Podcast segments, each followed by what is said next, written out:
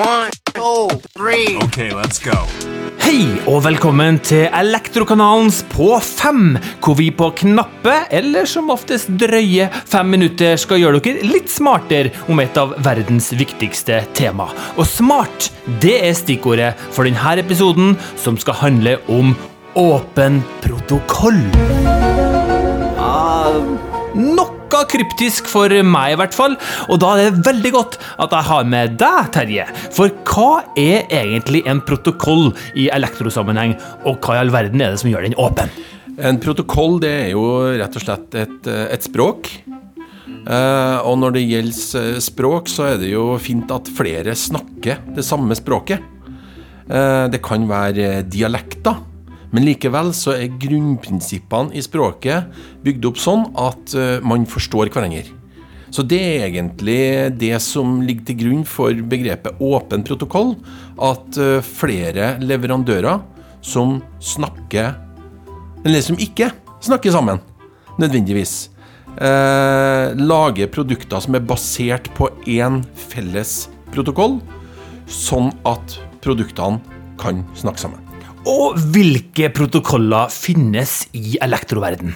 Oi, oi, oi. Eh, det var noen som eh, satte opp en oversikt her for eh, en god stund siden. Det tror jeg var noe i forbindelse med velferdsteknologi, og at myndighetene skulle fatte noen beslutninger om hvilke protokoller man skulle på en måte legge seg på. Og da tror jeg at man egentlig kom frem til at det var 100, og kanskje flere hundre, ulike språk. De fleste av dem kaller det autonom, altså de snakker bare med seg sjøl. Eh, men eh, de mest kjente er jo kanskje da eh, Bluetooth, Wifi, Z-Wave og ikke minst Zigbee. Så det er kanskje de, de aller viktigste protokollene. Ok, Og hva er det som gjør at de her er åpne, som du sier? Altså alle disse er åpne, men de er åpne med hverandre? Uh, nei, det er de ikke nødvendigvis ikke, selv om de er på en måte bygd opp litt, uh, litt likt. Men de har ulik grad av, kall det, uh, regelverk som skal til for at ting skal snakke sammen. Sånn at jeg skal ikke gå inn på det helt tekniske på hver enkelt protokoll, men, men utgangspunktet er at de har litt forskjellig si, åpenhet og struktur. Eh, noe som da enten gir store muligheter eller begrensa muligheter i forhold til å, eh, skal jeg si, å bare koble seg opp imot det. Mm. Det finnes i dag eh, systemer og produkter som er da, som du sier, basert på Bluetooth, Wifi, Z-Wave. Men så sa du ikke minst Zigbee. Hvorfor sa du det? Jo, uh, Sigby er vel kanskje det som uh, de fleste av de store aktørene uh, har bestemt seg for å på en måte legge seg på, men det handler egentlig om en kaller videreutvikling av Sigby-protokollen, som da heter for Matter. Som da er den de egentlig sammen Nå snakker vi om sikkert Microsoft, vi snakker om Apple, vi snakker om Google, vi snakker kanskje om Amazon. Og den type store verdensomspennende aktører. de har lagt seg på den, noe som da selvfølgelig vil eh, lede ulike leverandører til å henge seg på den protokollen, da mulighetene for samsnakking er størst, kanskje der, imellom produktene. Er det da sånn at en Sigby som du sier, er en, en av de åpne protokollene, hvor alle systemer og alle produkter som har en innebygd Sigby-radio, alltid snakker sammen? Uh, nei, det er egentlig opp til uh, den leverandøren eller den utvikleren å bestemme hvor åpent det her skal være. Uh, som jeg var inne på, så har man et, et standardoppsett med, med, språk, funksjonalitet, som gjør at produkter kan snakke sammen og forstår hverandre. Men, men det er egentlig opp til de ulike leverandørene å definere hvor åpen man skal være. Og der har vi jo ulike si, eksempler på hvordan det er gjort.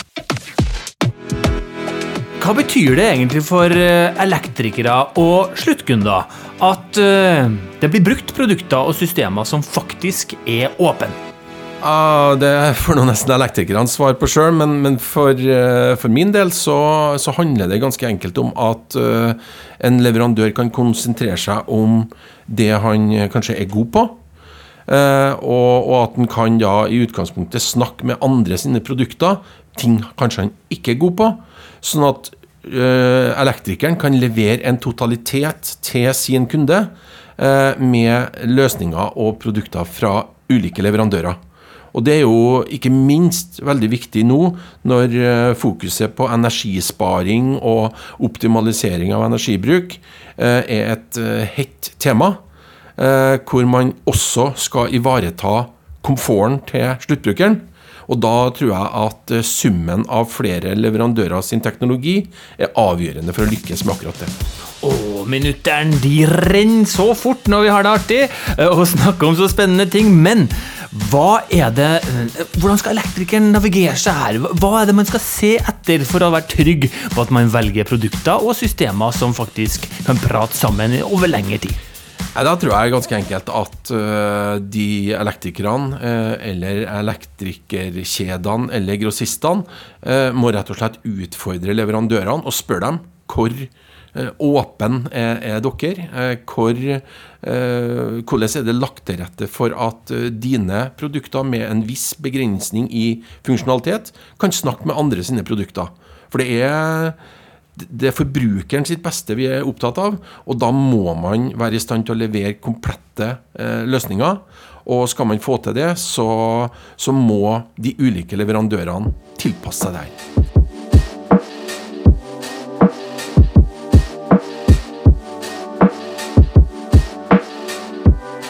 Helt til slutt så rekker vi en snartur innom det store perspektivet.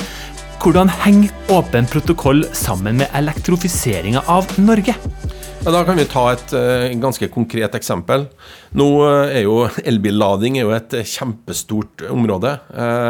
her er det mange aktører, og dessverre så er de fleste av dem lukka. Altså enten ikke smart eller lukka. Noe som på alle måter begrenser muligheten for å ta elbilladeren inn i en, en helhet eh, for strømforbruk og strømsparing eh, og optimal energiutnyttelse eh, i f.eks. en bolig.